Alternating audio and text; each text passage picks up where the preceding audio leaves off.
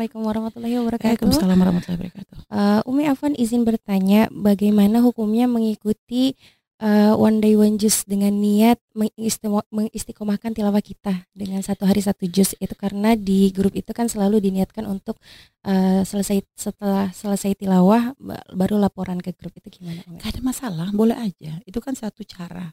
Karena biasa kalau udah ditarget gitu kita males. Uh -huh. Nah, jadi kalau nggak ditarget gitu biasanya ngantengin bahwa sekarang baru lebar ah besok lagi yeah. ah nanti lagi ah nanti lagi kan begitu mm. jadi kadang dengan adanya one day one justru akhirnya memotivasi kita untuk rutin membaca Al-Quran mm. gak ada masalah boleh-boleh aja jadi siapa yang melarang gitu lah Nah, jadi urusan lapor, tapi kan kok kayak riak banget habis itu ngelapor.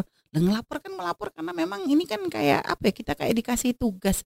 Karena tujuannya apa sih? Agar nanti lama-lama terbiasa kan gitu. Hmm. Jadi memang kadang untuk membentuk orang menjadi terbiasa kan memang harus agak dipaksa dulu. Hmm. Jadi nanti setelah di kayak uh setiap hari akhirnya sudah jadi kebutuhan. Hmm. Sehingga nanti mungkin kalau sudah dia sudah semakin nyaman ya nggak perlu lapor-lapor lagi. Hmm. Aja mungkin dia sudah bisa istiqomah membaca setiap hari tidak kurang dari satu jus, dua jus atau apa kan begitu. Jadi memang ini targetnya adalah untuk membiasakan diri kita akan membaca Al-Quran supaya nanti ke depannya sudah menjadi kebiasaan yang itu menjadi suatu kebutuhan bagi kita sehingga tidak nyaman kalau kita tidak melakukannya. Hmm. Jadi seperti itu boleh saja Allah alam bisawab.